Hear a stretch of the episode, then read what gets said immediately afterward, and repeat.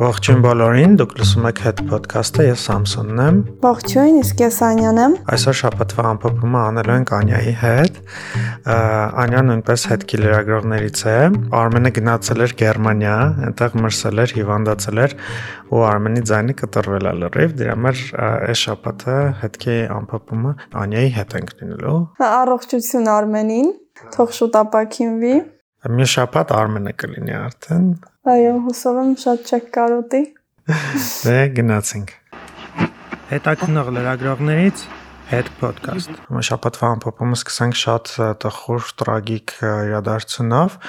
Հոկտեմբերի 20-ին երկու երիտասարդներ Արսենը ու Տիգրանը ինքնասպանություն գործեցին, նետվելով Դավթաշենի կամրջից եւ նրանց մարմինները առօտվա կողմ էին գտել Գագիկ Շամշյանը ռեպորտաժ էր հրապարակել եւ նույն օրը առօտվանից սկսած շատ սկսեց տարածվել Instagram-յան post-ը, որը որ Արսենն էր արել իր Instagram-ում, որտեղ որ գրել էին, որ happy end մեր բոլոր որոշումները մենք միասին ենք կայացրել ու հրապարակել են իրենց նկարները, որտեղ նրանք համբուրվում են, միասին ժամանակ են անցկացում, ձեռքերը մանտանիներով, պես տարածվեց շատ այդ Instagram-յան post-ը Արսենը եւ Տիգրանը գեյ զույգ են, երկուսն էլ շատ երիտասարդ էին։ Արսենը 16 տարեկան էր, Տիգրանը 21 տարեկան էր։ Բնականաբար այս ինքնասպանության դեպքը շատ արագ տարածվեց, բոլորը դրա մասին են խոսում, բայց ցավոք սրտի մեր հասարակական, հա, բացասական Հա, մեր հասարակությունում ռեակցիան իմ մոտ MC տպավորություններ, որ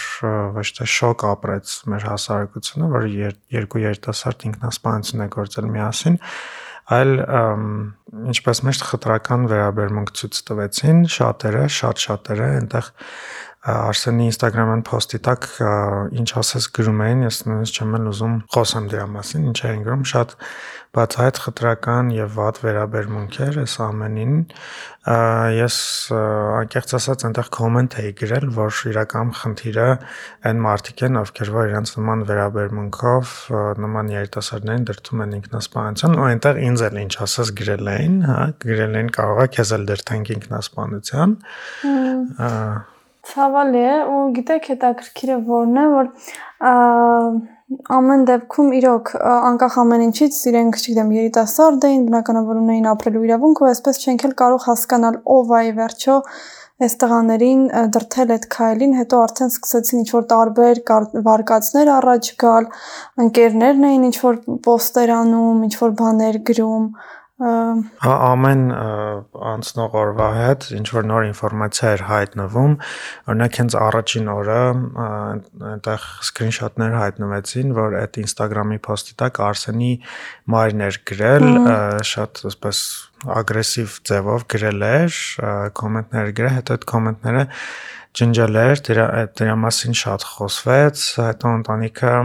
Եվ Արսենի մոտ ընկերներից մեկը ասել են, որ իրական ընտանիքը փորձել են նրան պաշտպանել,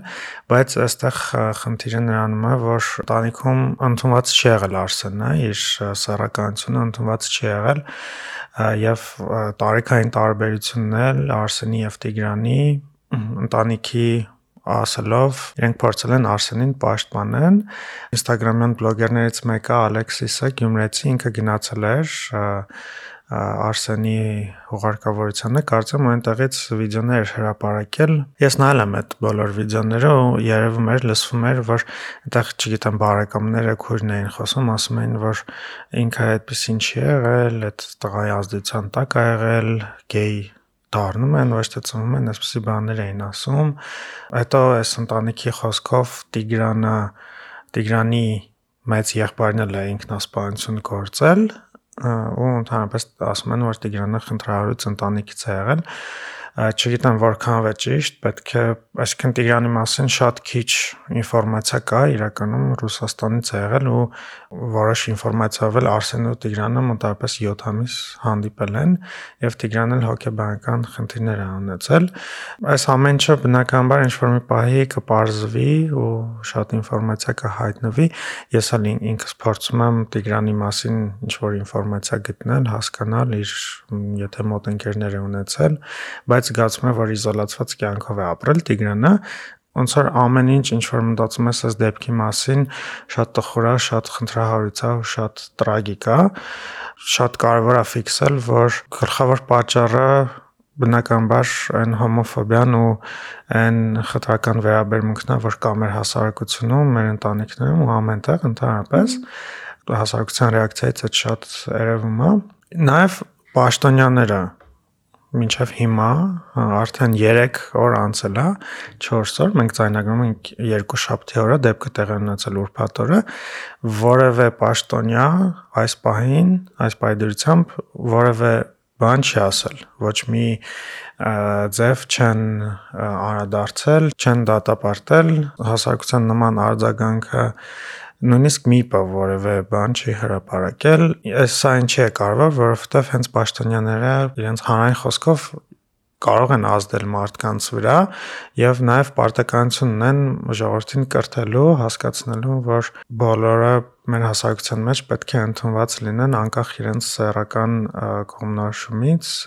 ու այս կրթելու հիմնական միսիան ոնց որ ես կարծում եմ որ նաև պաշտոնյաների ուսերին է եւ ՄԻՊ-ի ուսերին է լռում են ակտիվորեն ընտրում են լռել ինչը նշանակում է որ իրենց միևնույն է հա ու երբ որ այդ դեպքը եղել էր ու ես իմացել էի մի ամբողջ օր իրոք ուշքի գալ չէի կարող անընդհատ այդ տղաների հետ էր մտքերս չգիտեմ մտածում եմ որ ամեն դեպքում ոնց որ բոլոր մարդիկ այնպես էլ իրենք ունեին ապրելու իրավունք ու սեռական կողմնորոշումը դա պատճառ չի, որ հասարակության կողմից հալածվեն ու դրա համար առավել եւս իրենք իրենց սեփական կյանքին վերջ տան, ու ինձ թվում է ոչ ոք իրավունք չունի մարդուն կյանքից զրկելու դրթել։ Իրենց համար ինքնասպանություն լինելը մահը վերջում բարձրաց որ happy end է, այսինքն ինչ իրավիճակում են իրենք եղել, հա, Դա են գերադասել։ Որ դա են գերադասել ապրելուն շատ երիտասարդ են, շատ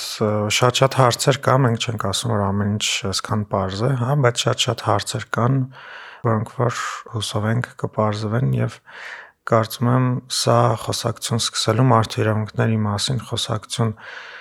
սկսելու արտահայտվելու եւս մեկ առիթ է։ Իհարկե շատ տխուր առիթ է, բայց շատ հստակ կրթության պակասը զգացվում է մեր հասարակությունում կրթության եւ տոլերանտության պակասն է զգացվում։ Հոկտեմբերի 18-ին Հայաստանի արտգործնախարար Արարատ Միրզոյանը եւ Նորվեգիայի արտգործնախարար Անիկե Հյուտֆիլդը մամլո ասոլիսի ժամանակ հայտարարել էին, որ քննարկվում է Հայաստանում ԵԱՀԿ դիտորդների տեղակայման հարցը։ Հայաստանի Հանրապետության կառավարության հրավերով ԵԱՀԿ-ն հոկտեմբերի 21-ից 27-ը կարիքների գնահատման խումբ է ուղարկելու Հայաստան, այսինքն արդեն ուղարկել է միջազգային փորձագետներից եւ ԵԱՀԿ քարտուղարության ներկայացուցիչներից բաղկացած թիմը այցելելու է հայ-ադրբեջանական սահման եւ խորհրդակցություններ անցկացնելու համապատասխան ազգային եւ տեղական շահագրգիռ կողմերի, ինչպես նաեւ տեղում միջազգային գործընկերների հետ քննարկումներ ունենալու։ Սա ասված էր ԵՀԿ կայքում հրապարակված հաղորդագրության մեջ։ Ինչպես հասկացաք, դե արդեն դիտորդական առաքելություն իրականացնող խումբը Հայաստանում է եւ հոկտեմբերի 22-ին նրանց ընդունել է արտգործնախարար Արարատ Միրզոյանը Արարատ Միրզոյանը հանդիպման ընթացքում ասել է, որ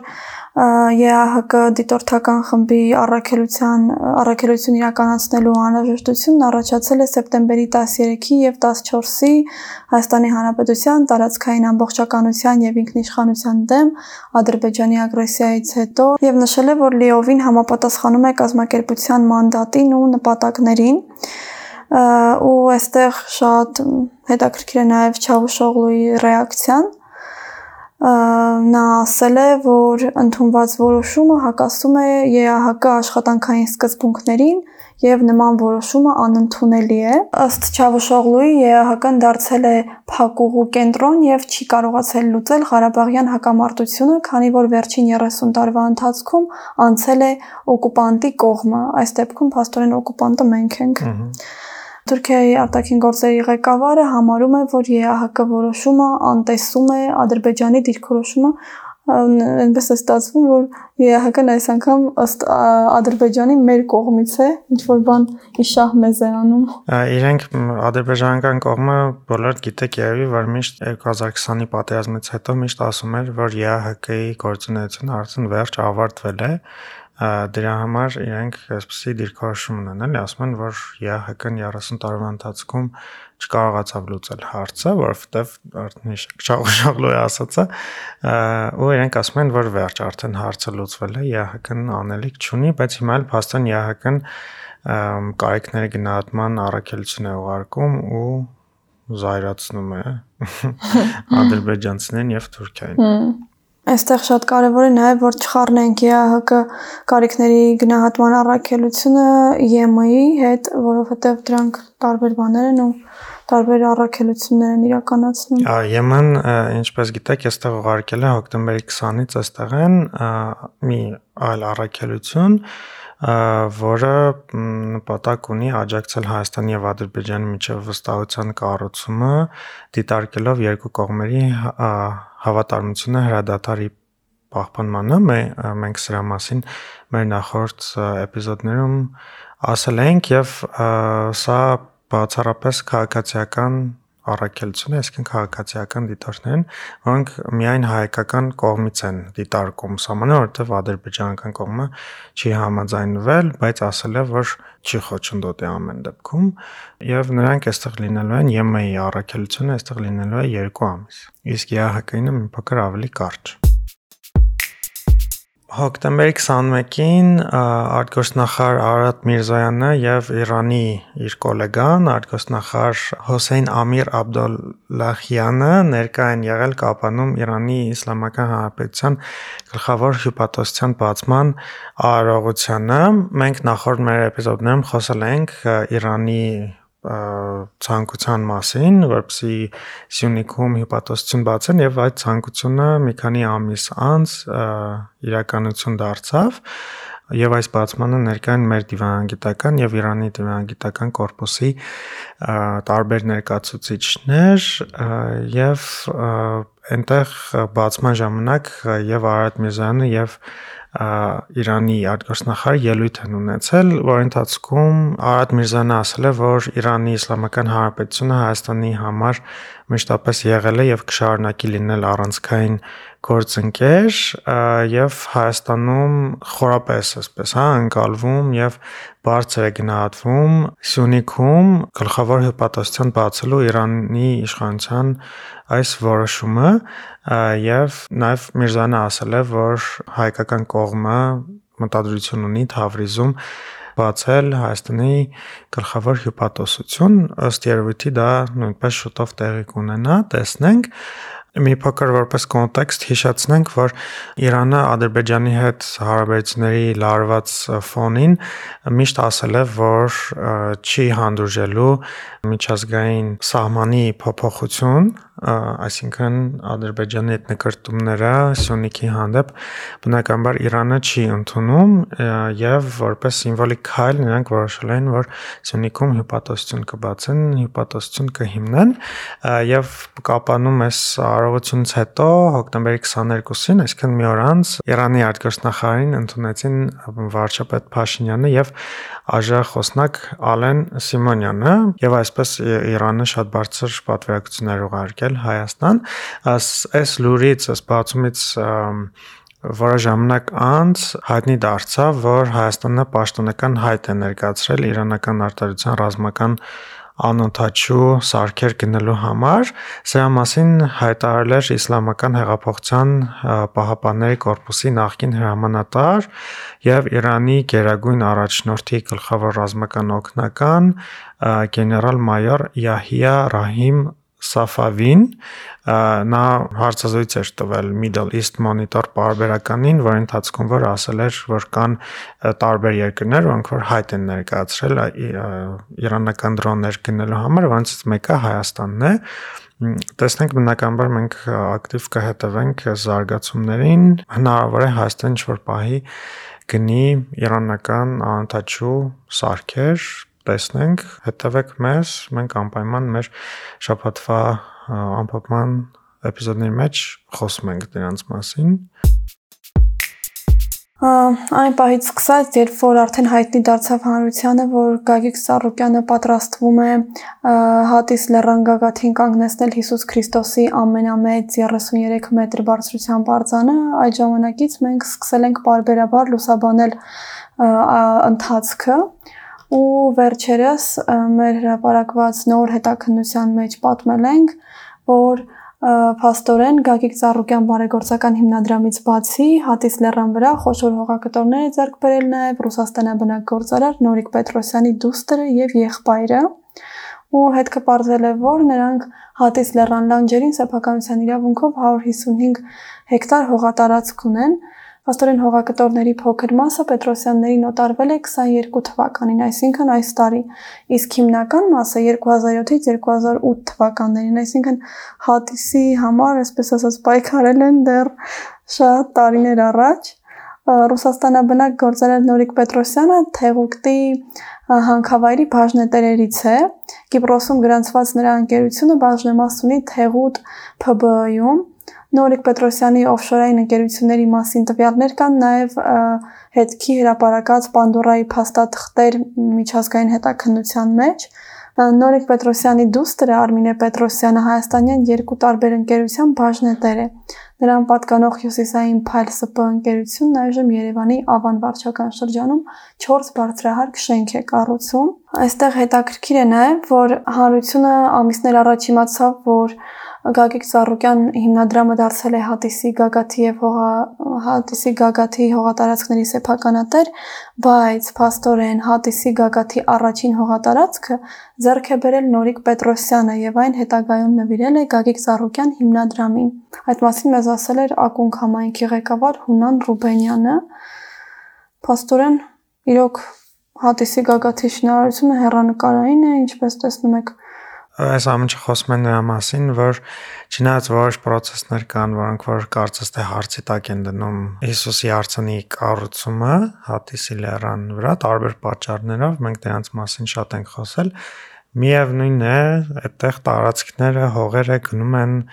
վաճառում են, այսինքն բիզնեսի առումով հերանեկարային է, որովհետև ըստ երևույթի Հիսուսի արցանի այդ մեծ հուշարձանի համար ինֆրաստրուկտուրա են ստեղծում, հյուրանոցներ, ինչ որ տարբեր։ Հա, իհարկե աշխատատեղեր կբացվեն, մարդիկ կաշխատան, կունենան ի վերջո երևի նման հերանեկարներ ունեն։ Հա, ինչ որ օբյեկտներ են ստեղծում, որ այդտեղ եկող տուրիստական հոսքը սպասարկեն։ Հա։ Ну, ըստ երևույթի, երևի ինչ որ քաղաքական պայմանավորվածություններ կան, որ վերջի վերջո կիրականացվի։ Հիմա նաև անդառնանք կարճ լուրերին, սկսենք Սուրեն Պապիկյանի, Պաշտպանության նախարար Սուրեն Պապիկյանի աշխատանքային այցով։ Նա Հնդկաստանում էր շաբաթվա սկզբին եւ այցի շրջանակում Պապիկյանը հանդիպեց Հնդկաստանի իր գոլեգային Պաշտպանության նախարար Շրի Ռաջնաթ Սինքին։ Հանդիպման ժամանակ քննարկվել են համագործակցության ընդլայնման հնարավորությունները, մասնավորապես երկկողմ ռազմական եւ ռազմատեխնիկական համագործակցության մի շարք հարցեր։ Սրա ենթատեքստը այն է նշանակում, որ Հայաստանը Հնդկաստանից զենք է գնելու եւ Սուրեն Պապիկյանին ուղարկել են Հնդկաստան իրավիճակին ծանոթանալու, ինչ որ պայմանավորվածություններ ունենալու եւ ձեռք բերելու համար։ Մյուս կարճ լուրը փաստորեն գործարար Ռուբեն Վարդանյանը նոյեմբերի սկզբին կստանձնի Արցախի պետական նախարարի պաշտոնը, որը նրան առաջարկվեց հոկտեմբերի սկզբին։ Վարդանյանը երկար տարիներ ապրում ու աշխատում է Ռուսաստանում, ուներ Ռուսաստանի Դաշնության քաղաքացիություն, որից հրաժարվել է այս տարի եւ ընդունել է ՀՀ քաղաքացիություն Արցախ տեղափոխվելու համար։ Եթե հիշում եք, ինքը հարցազրույցներից մեկում ասել էր, որ որոշել է զարգ տալ Արցախի զարգացմանը, պետք է Արցախը զարգանա։ Պաշտոնը ստանձնելու դրդապատճառների մասին նա նաև իր Facebook-յան էջում է գրառում արել։ Արցախի պետական նախարարի պաշտոնը զբաղեցնում է Արտակ Բեգլարյանը, որը դրանից առաջ զբաղեցնում էր նաև մարդու իրավունքների պաշտպանի պաշտոնը։ Փաստորեն նոյեմբերից պաշտոնը կղեկավարի Ռուբեն Վարդանյանը։ Եվս մի տխուր լուր Ալավերդի Վանաձոր ճանապարհի վրա Opel Magnus-ի մի մեքենա բախվել է հեծանվորդի եւ մինչեւ բրկարների վայր հասնելա հեծանվորդը, որը որ Պորտուգալիայի քաղաքացի էր, պորտուգալացի էր 84 թվականին ծնված, հոսպիտալացվել է Ալավերդի ԲԿ եւ այնտեղ ցավոք գիտակցության չգալով մահացել է։ Ինչ տխուր է, չէ՞։ հա, Երևի մարդը եկել է զբոսաշրջության նպատակով, բայց հա, շատ տխուր պատմությունն է իհարկե, բայց ինձ շատ էր զայրացրել Facebook-ում կոմենտներն էի կարդում, այնտեղ շատերը ուղղակի գրում էին նախ ինչ գործ ունի Հայաստանում, որ հեծանիվ է քշում, մի հատ էլ ընկել է ավտոյի տակ։ Դե Հայաստանում հեծանիվ քշելու մշակույթը զարգացած չէ, հետեւաբար։ Բայց այդ վերաբերմունք էլի ինչ է Պորտուգալիայից եկե հասել Այսինքն մարդը մահացել է ինչ որ Դամիկոմ, հա։ հա, բայց ժողովրդին ինչ որ տենց արձագանք է տալիս, չգիտեմ, այս ամենը։ Թեխին է Հայաստանում։ Հա, այս ամենը adekvat չի, չգիտեմ, մեր հասարակության կրթության ու նաև էմպաթիայի վրա բերել շատ մեծ աշխատանք ունենք տանելու։ Մոսկվա կինոթատրոնի դիմաց բարձրահարկ հյուրանոցային համալիր է կառուցվելու եւ արդեն դրա շինթույլտվությունը կա։ Շինարարության թույլտվությունը ստացել է գործարար Գագիկ Ծառուկյանին պատկանող Group Concern ՍՊԸ-ն եւ նրա գործընկերները։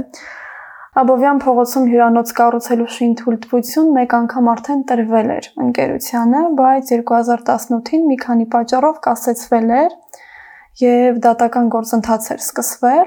Այդ ժամանակ հյուրանոցի շենքը ստորգետնյա հարկերն ու առաջին երկու հարկը կառուցվել էին, այսինքն այն կիսակառույց է եւ շարունակվելու է կառուցման աշխատանքները, այսինքն այդ տված շինթույլտվությունը վերականգնվել է։ Գագիկ Ծառուկյանն ու իր գործընկերները Մոսկվա կինոթատրոնի դիմաց Կեմպիսկի հյուրանոցի կառուցման մասին 2019-ին քննարկում են ունեցել, որի վերաբերյալ պատրաստված տեսանյութում ներկայացնում էին հյուրանոցի էսքիզը։ Ինչ այս շաբաթվա ամփոփումը այսքաններ։ Շնորհակալություն, որ լսում եք մեզ, հետևում եք մեզ։ Հիշեցնեմ, որ մենք հասանելի ենք ոդքասթներ լսելու բոլոր հավելվածներում, եթե ունեք Android հեռախոս, Google Podcast հավելվածում կանք, եթե iPhone ունեք, Apple Podcast հավելվածում կանք, Facebook-ում ունենք նաև խումբ, կարող եք միանալ այդ խմբին մասնակցել քննարկումներին։ Հաջողություն, լավ եղեք։